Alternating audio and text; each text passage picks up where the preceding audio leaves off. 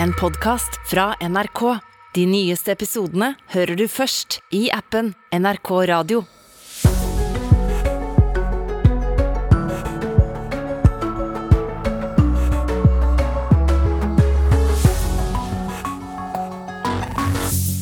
Ja, Vi er godt inne i den stille uka i påska, men Nyhetsmorgen er her på en onsdag, dagen før skjærtorsdag. Og dette er blant det vi skal innom i dag. Ukraina bør tilbys en like rask vei inn i Nato som Sverige og Finland. Det sier en av Ukrainas ledende forsvarsanalytikere som NRK har møtt i Odessa. Anklager om folkemord og hundrevis av døde i forstedene til Kyiv er siste utviklingen i Ukraina. Vi skal straks eh, dit. Og Ola Borten Moe, minister for høyere utdanning, oppfordrer ungdom til å velge utdanning innen oljefag. Kortsiktig og uansvarlig, mener Natur og Ungdom. Det handler om langsiktig forvaltning av store og viktige naturressurser, og det er en næring som kommer til å være med oss i, i mange, mange tiår. I tillegg spør vi straks hva slags rolle Kina egentlig har i krigen mellom Ukraina og Russland, og kan den tilsynelatende nøytrale linja landet har inntatt, rokkes ved? Vi skal prøve å finne svaret her om litt. I Nyhetsmorgen denne onsdagen Ida Kjøstelsen, som blir her fram til klokka er ni. Ukraina bør tilbys en like rask vei inn i Nato som Sverige og Finland. Det mener en av Ukrainas ledende forsvarsanalytikere som NRK har møtt i Odessa. Hanna Celest sier hun er skuffet over å se at Finland og Sverige kan få en rask vei inn i Nato, mens Ukraina blir holdt utenfor. It's a big question for us why we didn't have any NATO standing group in the Black Sea. Just to patrol in the uh, neutral waters. Why previously we used to have NATO ships all the time here. Hvorfor var det ingen Nato-skip i Svartehavet etter at russerne begynte å bygge opp sin styrke i januar, spør Hanna Sjelest. Hun er forsker og har brukt de siste 20 årene på å studere militær strategi på både nasjonalt og internasjonalt nivå. Nå sitter hun stramt antrukket på en benk utenfor en kirke i den ukrainske havnebyen Odesa. Flere ganger om dagen høres flyalarmen over landets tredje største by. Det historiske sentrum med åpne plasser, uterestauranter og barer har så langt blitt spart for russisk bombardement. Hun mener det nå er Natos medlemsland sitt ansvar å sikre Ukraina medlemskap i alliansen. If we speak about the perspective of Ukrainian membership, let's be honest, 90% of it depends now on the NATO member state. And that is very dishonest that we hear the statements that Finland and uh, Sweden can have a short way. And uh, for Ukraine, they're not even discussing the membership action plan, considering that Finland also has the border with the Russian Federation. De diskuterer ikke engang ukrainsk medlemskap, mens Finland og Sverige tilbys en kort vei, sier Skjelest. På et møtested for unge kreative sjeler et steinkast fra havnen er krigen det stadige samtaleevnet. Sebastian designer T-skjorter, og fortsatt går forretningen hans bra, sier han. Nyheten om at Sverige og Finland snart kan være Nato-medlemmer, mens Ukraina, som har ønsket dette mye lenger, fortsatt holdes utenfor, har han fått med seg. Uh, it's a very hard question because it's one of the uh, uh, one of the reasons that uh, our uh, enemy is calling uh, the reason of this war. But I think if it if it's okay for everyone and the whole world, I think it's normal and it's uh, logical to do so. Hvis det er greit for alle Nato-land, så er det vel logisk at Ukraina får være med, mener den unge mannen med de stilige solbrillene og den trendy frisyren foran kirken igjen. Forskeren er uenig i at Ukraina ikke kan bli Nato-medlem pga. annekteringen av Krim og situasjonen i Donbas, og trekker paralleller til da Vest-Tyskland fikk bli Nato-medlem på 50-tallet. Let's remember 1955 when Western Germany became the member. Uh, they've been divided. They were not controlling part of their territory. Uh, was it legal reason not to accept them? No. Ja, Det sa militæranalytiker Hanna Skjelles til våre folk i Odessa i Ukraina, Joakim Reigstad og Gunnar Bratthammer. Anklager om folkemord og hundrevis av døde i forstedene er stikkord for den siste utviklingen i Ukraina. For nå i morgentimene kommer det meldinger om at det er funnet hundrevis av drepte etter at russiske styrker har trukket seg ut fra forstedene til Kiev. Og hva mer vet du om det, utenriksreporter Anja Strønen? Ja, Det er det ukrainske innenriksdepartementet som nå melder at de har funnet 720 drepte mennesker etter at de russiske styrkene da trakk seg ut fra disse forstedene. Og så skal det være rundt 200 som er savnet. Det er uklart om dette er kun sivile eller om det også er soldater. Og det er jo et poeng, for Russland de har hele tiden avvist at uh, deres styrker rammer de sivile, men vi husker jo disse forferdelige bildene fra Butsja med alle de døde menneskene som lå i gaten, og, og da påstår jo altså russerne at uh, dette var iscenesatt. Og Hva sier russerne til uh, dette som har kommet fram nå? Altså, De har ikke uh, kommentert dette helt konkret, men senest i går så sa Vladimir Putin at uh, det han kaller den russiske militæroperasjonen, for de kaller det jo ikke en krig, i Ukraina, det vil fortsette til alle mål er nådd. Så har den amerikanske presidenten kommet med sterke anklager mot Russland. Ja, han var veldig tydelig på et folkemøte i Iowa i natt, og der omtalte han den russiske invasjonen som et folkemord. Han var egentlig på dette møtet for å forklare hvorfor bensin og bensinprisene øker så veldig som følge av eh, krigen som nå pågår, men da sa han altså helt konkret familiebudsjettet ditt, muligheten din til å fylle tanken, ingenting av dette burde stå og falle på hvorvidt en diktator går til krig og begår folkemord på den andre siden av kloden. Så fikk han etterpå også et spørsmål fra journalister om eh, han mente dette med folkemord, og det var han helt tydelig på. Kaller altså Putin en diktator. Takk skal du ha, du følger eh, situasjonen i Ukraina for oss eh, i morgentimene, Anja Strøen. Etter snart sju uker med krig i Ukraina er det stadig lite som tyder på at Kinas rolle i eh, konflikten vil endre seg. Da invasjonen var et faktum torsdag 24.2, varslet kinesiske myndigheter at de ville følge situasjonen nøye, og at de manet til beherskelse fra partene, men siden har de altså verken støttet eller fordømt den russiske invasjonen av Ukraina. Og førsteamanuensis ved Institutt for forsvarsstudier, Henrik Stålhanne Him, god morgen. God morgen. Hvorfor har ikke Kina vært tydeligere i denne krigen? Jo, det er fordi de forsøker å balansere litt ulike hensyn. Eh, på den ene siden så prøver Kina å fremstille seg som en forsvarer av suverenitetsprinsipper. Eh, og i tillegg så ønsker de å bevare et best mulig forhold til særlig europeiske land. Men på den andre siden så vil de bevare eh, det strategiske partnerskapet sitt eh, med Russland, som er veldig viktig, viktig for kineserne og i kinesisk diplomati. Hvor viktig er Russland for Kina? Jo, Russland er en sentral brikke eh, for Kina, fordi eh, altså, det å ha et godt forhold til Russland eh, gir Kina en viss ryggdekning eller ryggen fri, sånn at de kan konsentrere seg mot eh, stillehavsområdet særlig, hvor eh, rivaliseringen med USA eh, foregår.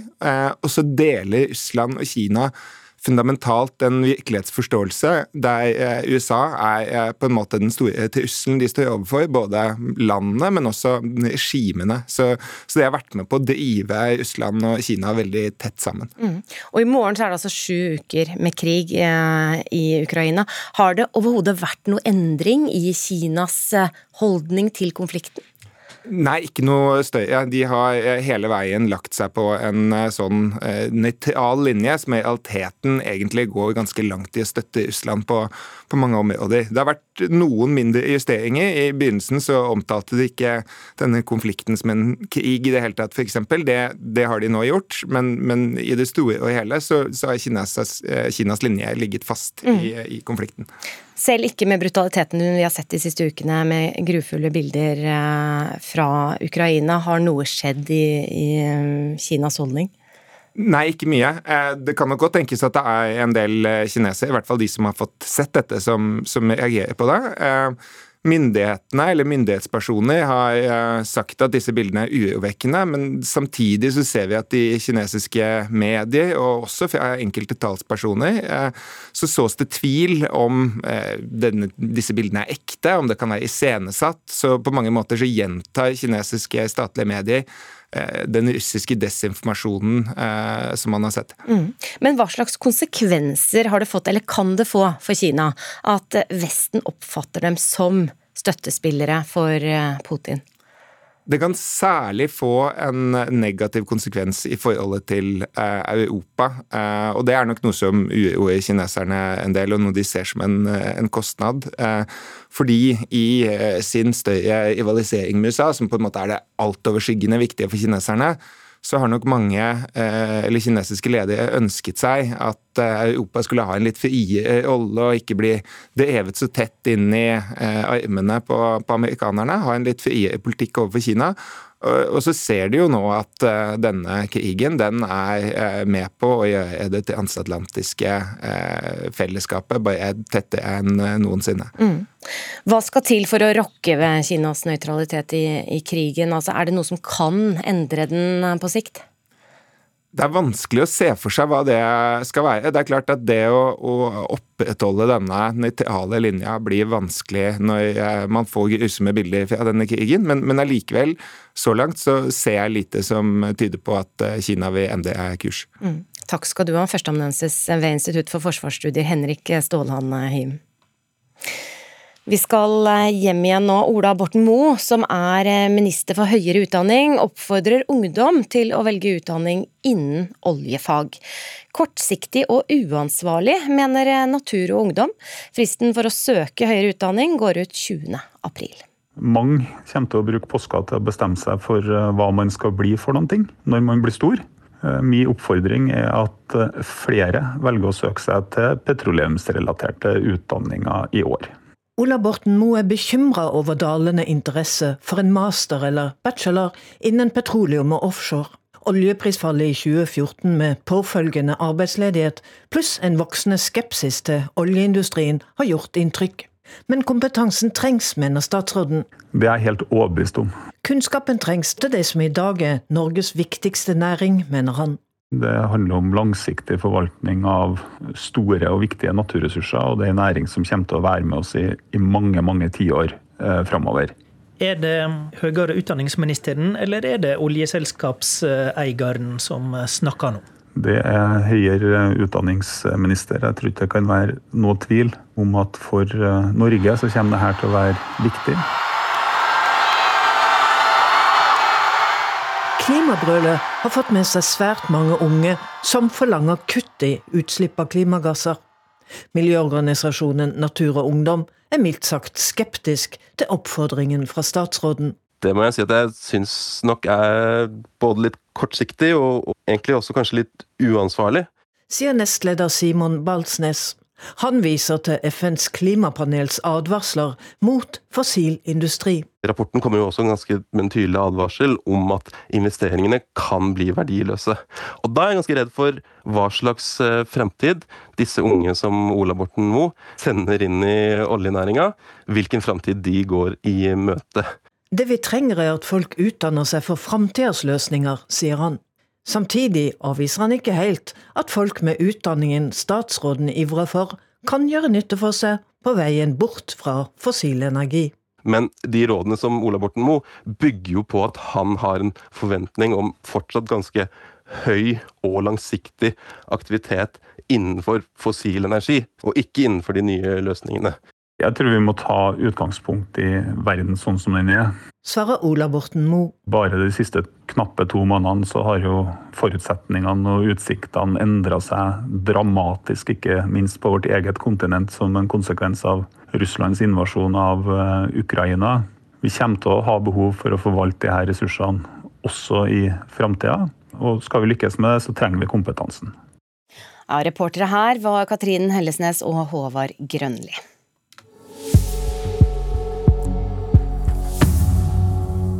Klokka er 7.17. Dette er Nyhetsmorgen. Vi har bl.a. dette på blokka denne morgenen. Kreftforeningen oppfordrer folk til å være ekstra forsiktige i påskesola.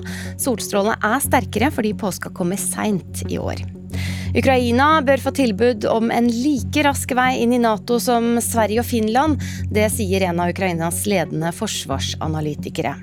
Og følg med, en 33-åring fra Kiev har starta språkkurs i norsk for andre flyktninger. Jeg vet hva han gjør. Jeg vet hva de snakker om. Skal vi høre at Kreftforeningen oppfordrer folk til å være ekstra forsiktige i påskesola i år. Sola står nemlig høyere på himmelen fordi påska kommer såpass seint som den gjør. En spørreundersøkelse Kreftforeningen har gjort, viser at nesten halvparten av de spurte svarer at de har blitt solbrent selv om de har brukt solkrem. Har du noensinne blitt solbrent? Eh, når jeg var liten, ja. Da hadde jeg ikke solkrem. Jeg spurte meg i dag. Jeg prøver å tenke på det at det er eh, sterk sol, og at eh, det er fort gjort å glemme når man, når man ikke blir varm. Barna har votter på seg ennå. ja, de har det. Det er kaldt drag. Jeg bruker meget sjelden solkrem, men øh, fordi at jeg tenker at det er bedre å unngå solen, sidde i noe skygge, enn øh, å sidde og steie. Men det er jo deilig når solen skinner. De fleste NRK treffer i Vigelandsparken i Oslo denne litt kjølige, men solfylte dagen, har et nokså bevisst forhold til det å bruke solkrem, eller å kle på seg for ikke å bli solbrent. For strålingen fra sola er spesielt sterk nå i påsken, sier generalsekretær i Kreftforeningen Ingrid Stenstad Vollrås. Og i påsken og fremover så er sola så sterk at vi blir solbrente på veldig kort tid kanskje en halvtime er nok nå. Hvis man er eh, et sted hvor også kanskje snøen reflekterer sol, eller man er eh, høyt oppe på fjellet, så er dette her eh, viktig. I en undersøkelse fra Kreftforeningen svarer 43% av de spurte at de har blitt solbrent selv om de har brukt solkrem. Ross mener derfor det er viktig å være grundig og bruke nok solkrem. Vi håper at, at folk tenker på at Solkrem alene gir ikke alltid nok beskyttelse. For det første så må du smøre ofte og ordentlig. Og så bør du også tenke litt på klær skygge. Hvor mye skal jeg være ute? Så det å være litt bevisst på dette, det er kjempeviktig. For her handler det om å ikke bli solbrent. Ifølge statsmeteorolog Christian Gislefoss ser det ut til å bli en fin påske for veldig mange, med mye sol i Sør-Norge fra og med torsdag, men også i Nord-Norge er det muligheter for å se sola. Og når det er sol, er det også UV-stråling, sier Gislefoss. Når det er lite skyer, så vil UV-strålinga være høy. Det kan man faktisk også finne ut av, for på Yr så har vi UV-varsel. Så går du inn på det stedet du befinner deg på eller har tenkt å dra til, og så trykker du på en eh, knapp som heter 'I nærheten', og her finner du masse forskjellige varsler, bl.a. da UV-varsel. Han oppfordrer derfor folk i fjellet til å huske solbriller, i tillegg til solkrem. Selv syns han det kan være litt vanskelig å huske på solkrem i påsken. Jeg prøver jo så godt jeg kan, skal være ærlig på at det er ikke alltid jeg husker det. Jeg er nok flinkere til å huske på det når jeg skal på stranda på sommeren. Men uh, når vi er på fjellet, og det er mye sol, så er, tar vi på et lite lag solkrem som regel, altså. Må huske nok òg, sier Kreftforeninga.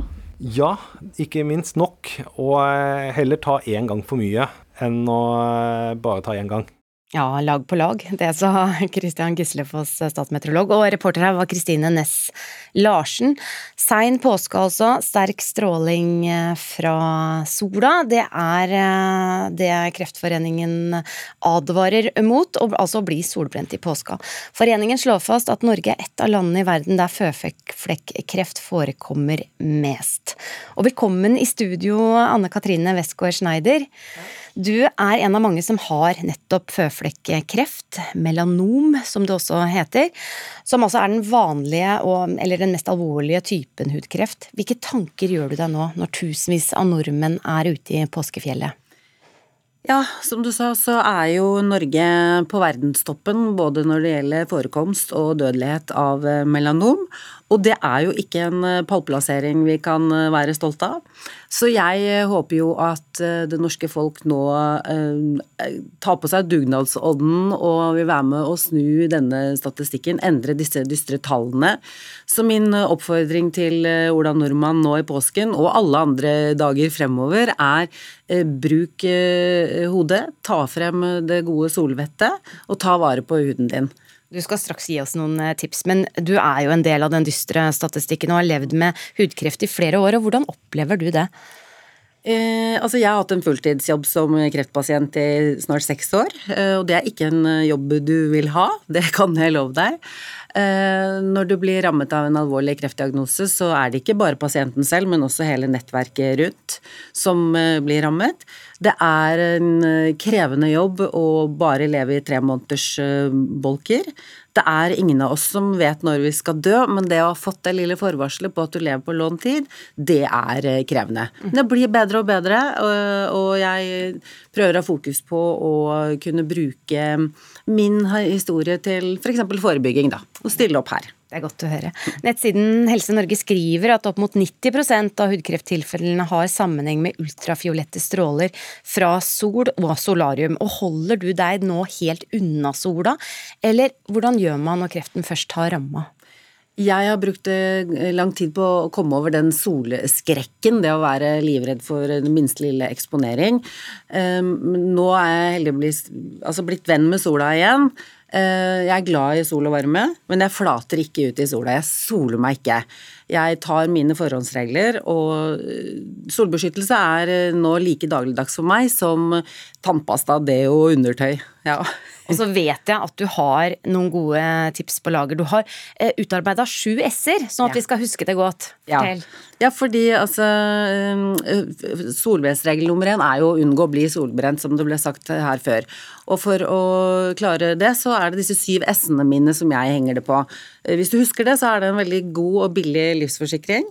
Eh, du skal ha solhatt, eh, sole, altså beskytte hodet. Eh, du skal bruke solbriller. Melanom kan også komme på øynene. Solkrem, vær raus, smør deg ofte. Skygge. Siesta. Der kan vi lære av Søreuropeerne? Ja. ja. og ikke være i solen når den er som sterkest. Og så er det selvfølgelig solariumstopp. Det er vi ferdig med. Vi tar ikke solarium. og så er det det å sjekke huden for hudforandringer. Mm. Du eh, har altså selv vært ramma av denne typen kreft, eh, den alvorligste formen for hudkreft. Hvordan har du det akkurat nå? Akkurat nå så har jeg det veldig bra. Jeg har vært superheldig og har etter veldig mange operasjoner og lang behandling med stråling og immunterapi hatt god effekt av den. Eh, så akkurat nå så er det ikke tegn til kreft i min kropp, og jeg håper det varer kjempelenge. Ja, godt. Ja. skal du sole deg litt i påska? Jeg skal eh, nyte sola, ikke sole meg. Nei. det Høres bra ut. Husk på de eh, s-ene nå, da. Ja. Jeg kan de, det er du som skal huske de nå. Jeg skal ta dem til meg. Ja, og hvis, et lite tips hvis man vil være skikkelig raus og god med de man er glad i denne påska, putt solkrem i påskeegget. Det var bra tips. Anne Katrine Westgård Schneider, takk for at du var med oss og delte din historie. Selv takk. I Politisk kvarter tar vi en uh, siste politisk debatt før landet går i en kollektiv påskedvale, Håvard, kan vi si det? Ja, og da kan vi jo like gjerne ta den mest intense av de alle. Eh, for det er vel i debatten om rusreform at engasjementet har vært det aller største de par siste åra. Og der har jo ikke politikerne klart å bli enige. Men Rett før helga kom Høyesterett med viktige avklaringer i dommer og i narkotikasaker, der bl.a. en rusavhengig blir fritatt for straff. Og i Politisk kvarter så spør vi har Høyesterett innført rusreforma? Og det spør dere om klokka 7.45. Det tar tid for å få på plass eh, norskundervisning for alle de ukrainske flyktningene. Da er det bra at det finnes eh, frivillige, som Inna Romanenko. Flyktningen fra Kiev har studert norsk på universitetet der for flere år siden. Det kommer andre flyktninger i Porsgrunn nå til gode. Jeg vet hvor han bor. Jeg vet hva han gjør. Jeg vet hva de snakker om. Og det er mye å snakke om når de skal lære et helt nytt språk. Kan jeg, jeg eller du eller han, kan du ikke lese etter modelverb? Bruker vi ikke r, ja. 33-åringen kom til Norge med ganske lite bagasje for en drøy måned siden. Det som ikke ligger i en koffert, men som er vel så viktig å ha med seg, er kunnskap. Hun har en mastergrad i internasjonale relasjoner, pluss en stor porsjon pågangsmot og kreativitet. Vi startet på kjøkkenet her, så kom det flere og spurte om, delta, om de kunne delta. Så da ble enda flere, så vi bestemte å arrangere som frivillig kurs, frivillig kurs for alle som har ønsket det. Denne kvelden sitter over 20 ukrainere i kjellerlokalet på Herøya akuttinnkvartering. Galina Fonova er en av dem. Hun følger godt med og noterer flittig. Jeg heter Galina. Jeg kommer fra Ukraina. Jeg bor i Stry. Hvor gammel er du? Ja, oi. Jeg er Jeg er 66. Uh, 66. 66. Ok, så flinke dere er, ja. Victoria fra Odessa foretrekker å snakke engelsk, men hun kan mer enn det. Jeg kan uh, russisk, ukrainsk og engelsk. Og jeg uh, lærer norsk. det er veldig mange som vil arbeide. Og først og fremst, hvis de vil arbeide, så bør de som kunne norsk, kunne språk. Ja. Noen kan engelsk, men ikke alle. Snart skal Inna Romanenko og den fem år gamle dattera videre i det nye livet. Neste stopp er Asker. Der skal 33-åringen hjelpe til med å undervise ukrainske barn. Det viktigste er at man må være motivert. Jeg tror det er det viktigste. Ja. Men hva har du lært i løpet av den måneden som du har vært i Norge nå? Uh, jeg har lært at uh, veldig mange folk er veldig villige til å hjelpe oss her i Norge. Sånn, jeg har lært også det at nå er vi som en stor familie alle de som har flyttet hit. Og også har jeg god praksis nå å snakke norsk, siden tidligere hadde jeg ikke så mye praksis, så jeg lærer hver dag noe nytt. Ja, reporter her var Britt Bojesen. En podkast fra NRK. Operasangeren Kirsten Flagstad ble uthengt som nazisympatisør og forfulgt av den norske stat. Mahatma Gandhi var advokaten som ble fredsapostel. Bli bedre kjent med historiens største personligheter i ny podkast. Emilia Earhart var en modig flyger som flytta kvinners grenser i lufta. Historiske kjendiser hører du først i appen NRK Radio.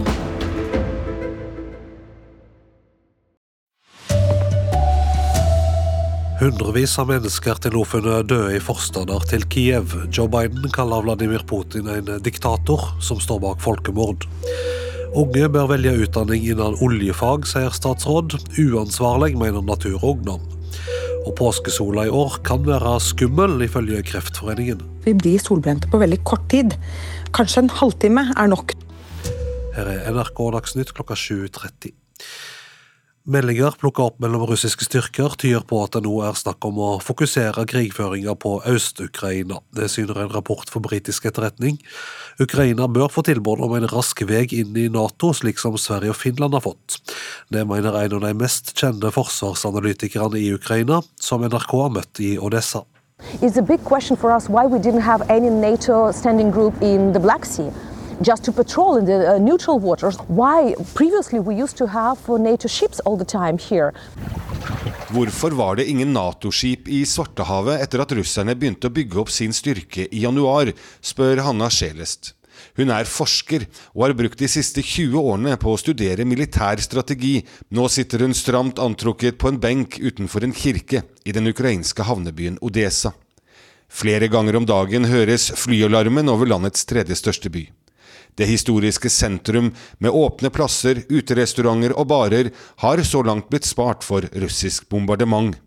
Hun mener det nå er Natos medlemsland sitt ansvar å sikre Ukraina medlemskap i alliansen. 90% of it depends now NATO member state. And that is very dishonest that we hear Finland and Sweden can have a short way. For Ukraine, they are not even discussing the membership action Finland also has the border with the Russian. De diskuterer ikke engang ukrainsk medlemskap, mens Finland og Sverige tilbys en kort vei, sier Skjelest. På et møtested for unge kreative sjeler et steinkast fra havnen er krigen det stadige samtaleevne. Sebastian designer T-skjorter, og fortsatt går forretningen hans bra, sier han. Nyheten om at Sverige og Finland snart kan være Nato-medlemmer, mens Ukraina, som har ønsket dette mye lenger, fortsatt holdes utenfor, har han fått med seg. Okay for everyone and the whole world, I think it's normal and it's uh, logical to do so. Hvis det er greit for alle Nato-land, så er det vel logisk at Ukraina får være med, mener den unge mannen med de stilige solbrillene og den trendy frisyren. Sa reporter i Ukraina Joakim Reigstad. Og hundrevis av sivile er til nå funnet drepne i flere forstader til den ukrainske hovedstaden Kiev, etter at russiske styrker trekte seg ut, ifølge styresmaktene i landet. Reporter Anja Strønen, hva kan du si om dette? Ja, Det er det ukrainske innenriksdepartementet som nå melder om at det er funnet 720 drepte mennesker. I tillegg så er nærmere 200 personer savnet. og Dette skjedde altså etter at de russiske styrkene trakk seg ut av disse forstedene til eh, Kiev. Det som er uklart, det er om alle er sivile, eller om det også er soldater. Og Det er jo et poeng, siden Putin hele tiden har sagt at de rammer ikke de sivile. Hva sier russerne om eh, funnet av eh, døde sivile? De har ikke kommentert dette helt konkret, men senest i går så sa altså Putin at, eh, og gjentok at det han kaller den russiske militæroperasjonen, han kaller det jo ikke krig, i Ukraina, det vil fortsette til målet er nådd. Så det var hans måte å kommentere på. Og så har den amerikanske presidenten eh, Joe Biden eh, kommet med svært krasse ord mot Russland. Ja, Han har eh, vel knapt vært krassere enn han var i går. Da sa han rett og slett at det er folkemord det russerne nå begår i Ukraina. Han sa at det har blitt klarere og klarere at Putin forsøker å viske ut selve ideen om at det er mulig å om at det er mulig å være en ukrainer. Dette sa han på et møte der han egentlig skulle snakke om hvordan krigen rammer den amerikanske økonomien, men han gjentok dette med folkemord også overfor journalistene. Takk, reporter Anja Strønen. Ungdom bør velge utdanning innen oljefag, det mener høyere utdanningsminister Ola Borten Moe. Om ei uke går fristen for å søke høyere utdanning ut. Natur og Ungdom mener oppmodinga fra Moe er kortsiktig og uansvarlig. Mange kommer til å bruke påska til å bestemme seg for eh, hva man skal bli for noen ting når man blir stor. Eh, min oppfordring er at eh, flere velger å søke seg til petroleumsrelaterte utdanninger i år. Ola Borten Moe er bekymra over dalende interesse for en master eller bachelor innen petroleum og offshore. Oljeprisfallet i 2014 med påfølgende arbeidsledighet, pluss en voksende skepsis til oljeindustrien, har gjort inntrykk. Men kompetansen trengs, mener statsråden. Det er jeg helt overbevist om. Kunnskapen trengs til det som i dag er Norges viktigste næring, mener han. Det handler om langsiktig forvaltning av store og viktige naturressurser, og det er en næring som kommer til å være med oss i, i mange, mange tiår eh, framover.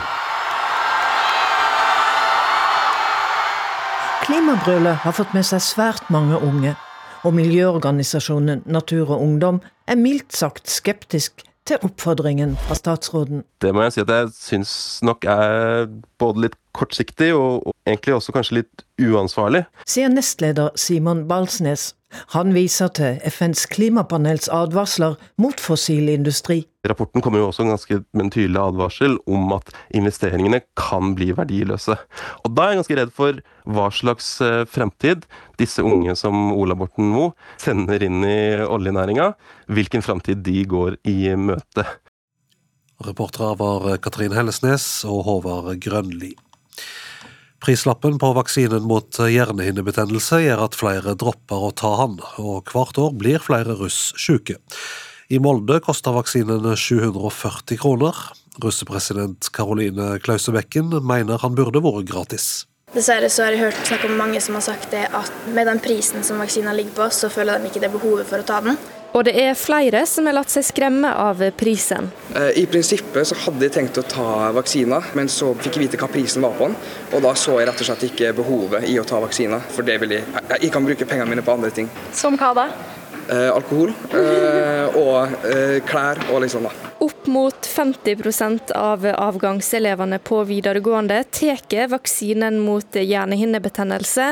Russepresidenten i Molde mener det er to ting som må endres for å få flere til å ta det. Det er selvfølgelig prisen. Hadde det vært eh, gratis for alle som skulle vært russ, så tror jeg at de fleste ville tatt det. I tillegg informasjon om hva sykdommen innebærer, hva som kan bli konsekvensene, tror jeg er veldig viktig for å få folk til å skjønne hvor alvorlig det kan bli. da. Helsesykepleier i Molde, Marte Lise Riksfjord, sier de har gitt informasjon til russen, men at de nok kunne gjort mer. Vi har jo russinformasjon eh, før jul hvert år til russen, og vi legger ut skriftlig informasjon. Men eh, vi kan kanskje gjerne bli flinkere òg. Sara Viksmoen Vatle i FHI sier de har all grunn til å tro at flere kommer til å ta vaksinen hvis den blir billigere, og de vil vurdere dette på nytt. Vi har besluttet i høst at vi skal sette i gang en ny vurdering av dette. Og så har oppstarten blitt litt forskjøvet pga. Um, den siste pandemibølgen. Reporterinnslaget var Elin Kristin Raudøy.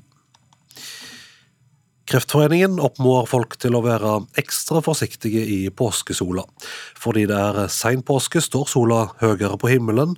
I en spørreundersøking fra Kreftforeningen svarer nær halvparten at de har blitt solbrente, sjøl om de har hatt på solkrem. Jeg spurte meg i dag. Jeg prøver å tenke på det at det er eh, sterk sol, og at eh, det er fort gjort å glemme når man, når man ikke blir varm. De fleste NRK treffer i Vigelandsparken i Oslo denne litt kjølige, men solfylte dagen, har et nokså bevisst forhold til det å bruke solkrem, eller å kle på seg for ikke å bli solbrent. For strålingen fra sola er spesielt sterk nå i påsken, sier generalsekretær i Kreftforeningen Ingrid Stenstad Wollrås. Og i påsken og fremover så er sola så sterk at vi blir solbrente på veldig kort tid kanskje en halvtime er nok nå, hvis man er eh, et sted hvor også kanskje snøen reflekterer sol. I en undersøkelse fra Kreftforeningen svarer 43% av de spurte at de har blitt solbrent selv om de har brukt solkrem. Ross mener derfor det er viktig å være grundig og bruke nok solkrem. For det første så må du smøre ofte og ordentlig, og så bør du også tenke litt på klær. Ifølge statsmeteorolog Christian Gislefoss ser det ut til å bli en fin påske for veldig mange, med mye sol i Sør-Norge fra og med torsdag, men også i Nord-Norge er det muligheter for å se sola.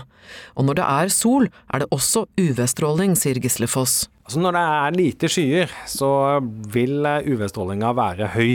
og det kan man faktisk også finne ut av, for på Yr så har vi UV-varsel. Så går du inn på det stedet du befinner deg på eller har tenkt å dra til, og så trykker du på en eh, knapp som heter 'I nærheten', og her finner du masse forskjellige varsler, bl.a. da UV-varsel. Statsmeteorolog Christian Gislefoss til reporter Kristine Næss Larsen. Ansvarlig for eh, sendinga var Anne Skårseth, og i studio Vidar Eidhammer.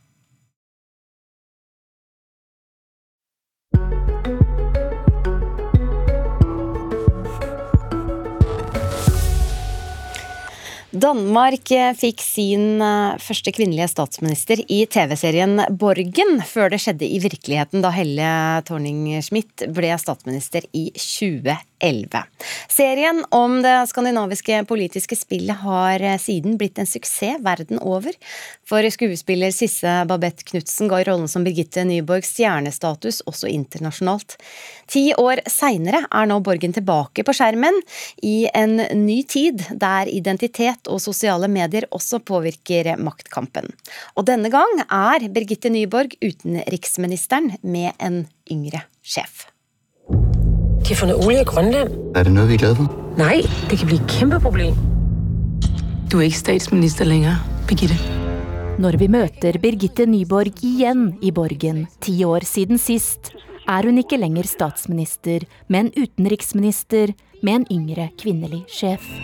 Skal orientere din sjef, forstår du det?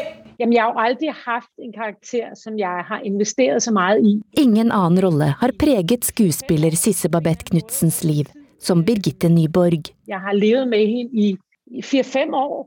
Til NRK forteller hun at det var ukomplisert å hente Birgitte tilbake. Det var som om hun hadde stått i skapet og ventet i ti år. Hun var der bare som om hun hadde stått og ventet i skapet i ti år. Det var virkelig skjønt. Det er duket for maktkamp på flere fronter når serien denne gangen tar oss til Grønland, der forholdet mellom Danmark og deres gamle koloni utfordres av mulighetene for ny rikdom. Birgitte Nyborg har gått til valg på en grønn dagsorden og utfordres av oljefunnet. Jeg kan ikke ha en utenriksminister som går solo i en I koalisjonsregjeringen provoseres hun også av sjefen, som i en tid preget av sosiale medier og identitet, bruker deres kjønn for alt det er verdt for å markedsføre sin regjering under emneknaggen The future is female. Altså, jeg har helt personlig øh, valgt, at øh, Birgitte Nyborg ikke øh, ser genders. Altså, hun tenker ikke sånn. Øh, og det var helt fra starten. For selv er Birgitte Nyborg først og fremst en politiker som ønsker makt. Blind for kjønn, forklarer Sisse Babette Knutsen. Så jeg tenker bare, det, det, hun er blind for det. Med mindre, at det er et politisk emne. Jeg bor alene, min dobbeltseng er også med kontor. Når vi nå møter Birgitte Nyborg på ny, er hun singel, og barna er blitt voksne. Hvis jeg ikke er henne der arbeider 19 timer i døgnet som udenrigsminister, hvem fanden er jeg så? Jamen, så har vi jo Grønlandsværelset. Manusforfatter Adam Prise forklarer til NRK at han med serien vil vise hvor farlig det kan være dersom det er lite annet igjen i livet enn begjæret etter makt, uavhengig av kjønn, etnisitet eller legning. Ja, men faren blir jo at du ikke kan slippe det. At du vil kjempe til døden for å bevare den tittelen. Uh, der er makt livsfarlig, fordi makt kan føre til maktfullkommenhet, og det kan føre til en selsom grad av narsissisme, som man jo kan se vidt voksende alle mulige steder, hvor uh, narsissismen præger magtens øverste topp. Bare se på Rusland. For i en tid der virkeligheten synes å overgå fiksjonen, minner Borgen om at demokratiet aldri er sterkere enn menneskets moral i møte med makt.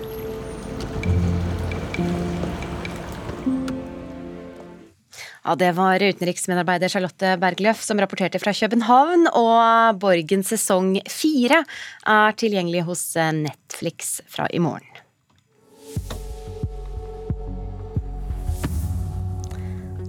Dette er Nyhetsmorgen, og straks eh, blir det Politisk kvarter her, men vi rekker å ta med et par overskrifter.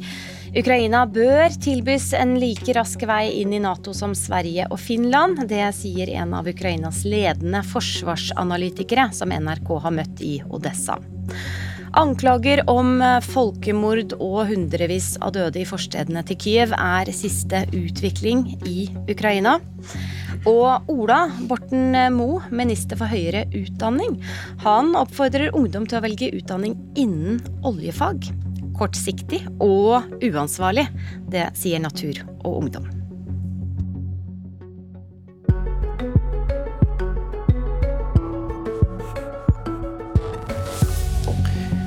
Har Høyesterett gjort det politikerne ikke klarte, og innført ei rusreform?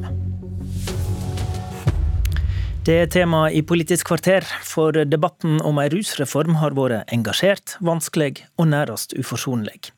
Den førre regjeringa la fram et forslag som skulle fjerne straff for å ha mindre mengder narkotika til eget bruk.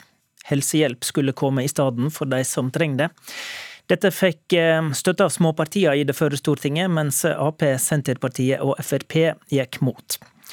Diskusjonen handla mye om konsekvensen av ei generell avkriminalisering, og om det var mulig å avgrense lovgivning til rusavhengige eller ikke. For selv om det var stort flertall for ønsket om at rusavhengige skal få helsehjelp framfor straff, så klarte ikke politikerne å komme fram til et vedtak om ny politikk.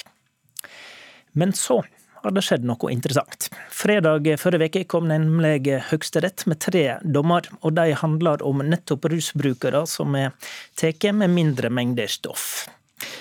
Og først trenger vi da en som kan forklare her, og derfor har vi ringt opp deg på påskeferien, Kjetil Kolsrud. Du er ansvarlig redaktør i nettstaden Rett24. Hva er det Høyesterett har sagt? Det helt konkret Høyesterett har sagt, er at uh, det er fortsatt straffbart å besitte narkotika for alle typer mennesker, men rusavhengige skal ikke få straff. Altså de, skal, de er skyldige i straffforhandling, men det skal i alminnelighet som du sier, ikke utmåles straff dersom eh, man tilhører denne gruppen rusavhengige. Og så har de da ikke tenkt å gå inn i avgrensningen av hva som skal kalles en rusavhengig, for det er jo der nå det store problemet ligger. da. Men de fjerner altså straff for en rusavhengig som hadde mindre enn fem gram heroin på seg. Og hva er grunngjevinga? Grunngjevinga er at de desperat prøver å gjøre det de mener Stortinget har ønsket, men ikke har klart å vedta. Fordi at det er, de skriver det er ingen tvil om at det er bred eh, enighet i Stortinget om at denne gruppen ikke, eh, at det ikke er formålstjenlig å straffe denne gruppen. Men så klarte, som du beskrev her eh, i innredningen, ikke Stortinget å enes om en måte å gjøre det på. Derfor så ble det aldri noen lovendring. Men at dette var et ønske i Stortinget, det, det er det ingen tvil om. Og det er dette ønsket Høyesterett nå prøver å oppfylle gjennom rettspraksis. Eh, og Det er jo en ganske sånn spektakulær måte dette skjer på, ved at uh, i en så politisk bestemt sak, så dukker dette opp i domstolene. på en måte Materialiserer seg i domstolene før det gjør lovgivningen. Det, det, det er et veldig uvanlig scenario. Ja, Lager Høyesterett politikk? Nei, de tror, jeg tror de Høyesterett Jeg vil ikke si at de lager politikk, de vil i hvert fall være sterkt uenig i det selv. Men de prøver så godt de kan å, å, å oppfylle det de mener er lovgivers vilje. Og det gjør Høyesterett alltid. De mm. prøver å tolke hva som ligger bak alle lovvedtak, for det er alltid mye uklarheter i dem. Eh, og så forsøker de så godt de kan å materialisere det Stortinget vil i praksis. Om jeg har forstått det rett, så har aktor her, altså statens påtalemakt, også argumentert med at det skal være um, mindre eller ingen straff for, for de avhengige? Det er riktig. Eh, påtalemyndigheten la også ned påstand om straffeutmålingsfrafall, som det kalles da, for denne, denne, tiltalte i denne første saken som du nevnte, han som da hadde mindre enn fem gram heroin på seg. Det var tre saker som behandlet samlet med litt forskjellig kvantum. Eh, og Eh, så, det er, så det er, enigheten er bred om at dette er en vei å gå. Eh, så Det spennende nå blir jo hvordan dette skal påvirke det videre politiarbeidet. fordi at Nå må det jo sendes et signal til politi og påtalemyndighet om hvordan man i det daglige skal forholde seg til den regelen som nå gjelder, etter at Høyesterett sa disse dommene på fredag. Ja, Hva slags føringer kan det få, da, du som kjenner systemet? Ja, det, det kan f.eks. tenkes at uh, Riksadvokaten vil si at denne type handlinger har, skal det ikke utmåles straff for, uh, ifølge Høyesterett. Og da er det heller ikke formålstjenlig at vi bruker ressurser på å forfølge dem, så man skal bare droppe å lage sak på det, f.eks. Det kan jo tenkes. Uh, vi er veldig spent på hva de sier. for På en eller annen måte må på en måte de signalene Høyesterett nå har sendt, operasjonaliseres. Ehm, ut i hverdagslivet. Så, og med hva slags uh, utslag det vil få i praksis, det, det er litt uh, vanskelig å si. Vi er spent på hva Riksadvokaten kommer med der. Uh, sikkert om ikke så fryktelig mange ukene. I den politiske diskusjonen så har Arbeiderpartiet argumentert med at å ha narkotika fortsatt skal være straffbart, men at tunge rusavhengige må slippe straff, og at en skulle gjøre et slikt type skille. Gir Høyesterett Arbeiderpartiet rett i at det er mulig å gjøre en slik differensiering? Et lite stykke på vei så gjør de nok det. fordi at De sier det at likebehandlingshensyn ikke hindrer domstolene fra å differensiere mellom individer. Men det tror jeg nok heller ikke de borgerlige partiene var uenig i. Det, det, de var uenig i, var at man kunne avkriminalisere for, eh, for en gruppe mennesker, men ikke for en annen. Så, så, det er en liten nyanseforskjell der. Så jeg tror begge to vil si at Ehm, de har rett, fortsatt. Ja, de, pleier, de, pleier, det. Vi skal høre fra deg de, etterpå. Men, men, eh, men, men, bare til dette siste, da. Si ehm, til slutt, si Høyesterett noe om hvor avhengig en må være for å slippe straff? Har Høyesterett avgrensa og definert det skillet? Eh, de, har, de, berører det så vidt, men her er det jo ved sakens store store, store problem. Hvor i all verden skal man trekke grensen? Når har du brukt nok narkotika til å ikke kunne straffes? Eh, for Vi havner jo fort i en situasjon der politiet sier at du, eh, du, er, du, har brukt narkotika i så og så mange år, men du har ikke brukt nok, og du har ikke hatt store nok problemer, så du skal straffes. Mens du derimot du har veldig store problemer, så du slipper straff. Det er en vanskelig avgrensning. Eh, Høyesterett sier litt om at de har brukt mye over lang tid og har vanskelig for å kontrollere det. Men Du trenger ikke legeerklæring, sier de, men det holder ikke at du sier selv at du er avhengig. Det er de korte linjene de gir. Vi skal diskutere dette videre med Høyre og Arbeiderpartiet. Takk for at du var med, Kjetil Kolsrud, redaktør i Rett24. Sandra Bruflot, du er stortingsrepresentant i helsekomiteen for Høyre. Jeg har um, aller først lyst til å høre veldig kort denne høyesterettsdommen. Hva slags reaksjon uh, fikk du på den? Jeg syns det er bra at uh, de slår fast at rusavhengige ikke kan straffes ut av en avhengighet. Samtidig så mener jeg jo at de har innført uh, deler av Arbeiderpartiets rusreform. Vi, vi, vi, vi, skal ta det etter hvert. Jeg var nysgjerrig på reaksjonen først. Også, også fra deg, Even Rød. Du er stortingsrepresentant i helsekomiteen for Ap.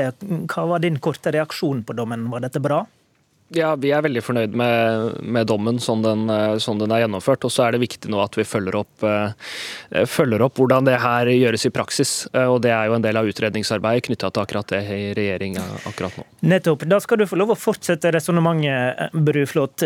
For, for, du var inne på dette om i hva grad dette, denne høyesterettsdommen liksom lå på Arbeiderpartiets linje i rusreformen.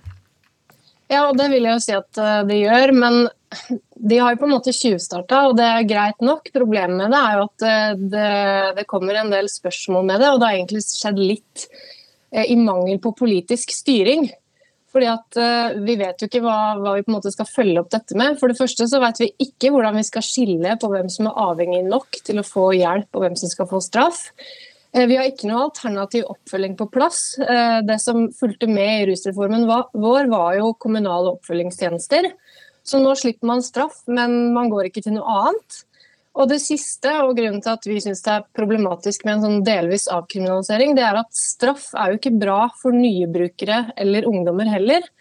Og det tjener egentlig ingen å sette de gruppene opp mot hverandre. Så Det er, det er liksom tre hovedproblemer da, mener jeg, med at man har fått en delvis avkriminalisering. For det, det kan ikke stoppe med det. Mm. Rød fra Arbeiderpartiet, tenker du at Høyesterett har eh, bevist at din posisjon er mulig å bygge videre på? Altså jeg mener i hvert fall at Høyesterett har, eh, har, skilt mellom rusavhengige og, eh, og, de som ikke er det. Det kan vi slå fast. Men Veien videre, det, og Bruflot sier at dette er mangel på politisk styring. Det er det jo ikke. Vi er i gang med utredningsarbeid knytta til hvordan dette skillet skal fungere. Hvorvidt det er fornuftig at Høyesterett går foran, det tror jeg ikke er en viktig del av debatten. Men det som er viktig nå, er at det utredningsarbeidet blir gjort godt, sånn at vi, sikrer at vi får forutsigbare skiller, og at vi får eh, en ordning som gjør at, eh, at, at, det, at dette fungerer. Eh, for Hvis ikke så, så kommer vi feil ut. Og, og, Det arbeidet må vi få lov til å gjennomføre. Det er et juridisk arbeid som, som er viktig at, vi, at, vi, faller godt ned på. Men Betyr det at det dere leter etter nå er en, mul, en definisjon da, på hvem som er avhengige og dermed skal slippe straff, og hvem som ikke faller innenfor det? Det vi leter etter nå, er eh, løsninger, juridiske løsninger og praktiske løsninger på hvordan et sånt skille kan gjøres. Eh, og eh, på en sånn måte at de som trenger helsehjelp, får helsehjelp eh, når de, når de skal ha det. Og så er jo selvfølgelig vårt syn på en rusreform mye bredere enn den juridiske debatten vi er inne i nå. Forebygging, behandling og ettervern er også en helt sentral del av debatten, og også egentlig en del av det som etterspørres her. Fordi at Nå gjør vi en juridisk endring som gjør at rusavhengige slipper straff, men da må vi jo også følge opp med et behandlingstilbud som er godt nok. Vi må følge opp med et ettervern som mm. gjør at folk ikke faller utenfor. Eh, akkurat, og, og akkurat, akkurat nå er nå kjernen i diskusjonen det juridiske her. Da. Eh, Bruflot, eh, Arbeiderpartiet vil prøve å finne dette, dette skillet, hvordan en kan gjøre det, altså mellom rusavhengige og ikke. Hva, hva tenker du om det, da? Ja, fordi Høyesterett har jo ikke gjort det. De har hatt tre saker der de har sagt at disse skal ikke straffes. De Nettopp noen... derfor må vel regjeringa operasjonalisere det, da? Ja, og det som er Problemet er jo, la oss si at Riksadvokaten nå sier at ja, denne type handling skal det ikke utmåles straff på. Riksadvokaten har også sagt, da de hadde høringsuttalelsen sin til rusreformutvalget, at strafferetten vanskelig kan operere med straffetrussel for noen, ikke for alle, for samme type handling. Og det som var Noe av begrunnelsen her var jo at straff er en, sånn, er en urimelig tilleggsbelastning for noen som allerede sliter med rus, og som har problemer tilknyttet til rusavhengighet. Jo, jo, men, men stopp det litt der. Sier ikke egentlig Høyesterett nettopp at det er mulig da, med et sånt eh, skille? At man dømmer ut fra ulik livssituasjon? For Problemet er at hvis eh, grunnen til at man ikke skal straffe er at det er en tilleggsbelastning fordi man er rusavhengig, så kan jo straff også være en urimelig tilleggsbelastning for de som står i fare for å utvikle et rusproblem også. Og det er her jeg mener Arbeiderpartiet bommer. fordi vi, vi vet, bare la meg fullføre, vi vet at kontakt med justisvesenet i tidlig alder det øker sjansen for at du får en kriminell løpebane. Vi vet at de som står i fare for å utvikle et problematisk forhold til rus, de har det ikke så enkelt, og straff gjør det ikke bedre. Problemet med en delvis avkriminalisering er jo at vi sier til ungdommer og nye brukere at du må bli mer avhengig, mer sjuk og få livet ditt enda mer ødelagt før du får hjelp av oss. Og Det er der jeg mener det skillet er veldig problematisk. og Høyesterett har heller ikke slått fast om de klarer å lage et skille, eller hvor det skal gå. Rød med andre ord, eh, Høyre står på fortsatt avkriminalisering for alle, og dere bør ikke jobbe med å leite dette skillet nå, etter dette skillet nå? Altså for det første så er det dette, dette som, som, til stadig gjentas, at du må eh, bli mer avhengig eller bruke mer stoff for å uh, få hjelp. Det er jo et premiss som er helt galt. Altså vi, vi uh, gjør mye nå for å, for å, styrke arbeidet på psykisk helse. Vi må jobbe med hvordan vi får flere gjennom skolen, at folk ikke faller fra. Det er jo, jo jo, jo, men. Rød, rød, disse høyesterettsdommene bare hør på meg et lite øyeblikk, disse høyesterettsdommene de drøfta jo faktisk nettopp dette, om vedkommende var avhengig nok til å på en måte få slippe straff. da. Beviser ikke det dilemmaet som Bruflot er inne på?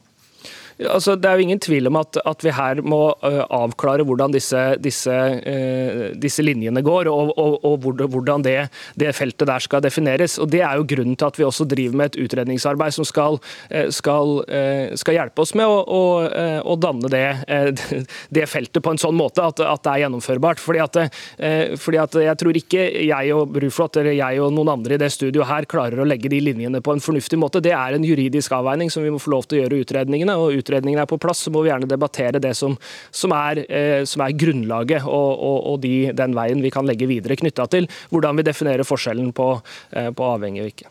Bruflot, du nevnte for meg eh, i forkant her at du var redd for at dette, denne dommen kan bli ei hvilepute. Hvordan da? Ja, fordi at de har innført noe av det Arbeiderpartiet ønsker seg. Eller at de, de, fritar noen for straff, men ikke alle. Og at man da kan tenke at ok, men da, da er jobben delvis gjort i Høyesterett. Men jeg mener jo at det er nettopp fordi de har tjuvstarta litt, at man må være enda raskere med å komme i gang med det kommunale oppfølgingsarbeidet. Og, og, selvfølgelig at det ikke er en grunn til å ikke avkriminalisere for alle. Da. Men, jeg er bekymra for det. Men Rød bekrefter jo at de, de jobber med dette fra regjeringskontorene og har noen grunn til å tvile på det? da?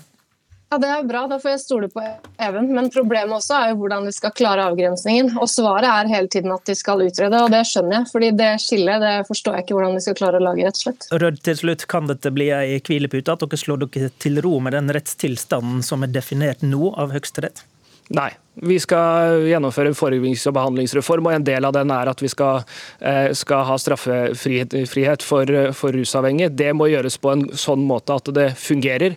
Nå har vi fått et steg på veien, og så har vi flere steg igjen som vi må gjennomføre i tida som kommer, hvis dette skal bli en helhetlig og god eh, reform for eh, rusfeltet. Takk til Even Rød og Sandra Bruflot, stortingsrepresentanter i helsekomiteen. I studio, Håvard Grønli. Du har hørt en podkast fra NRK. De nyeste episodene hører du først i appen NRK Radio.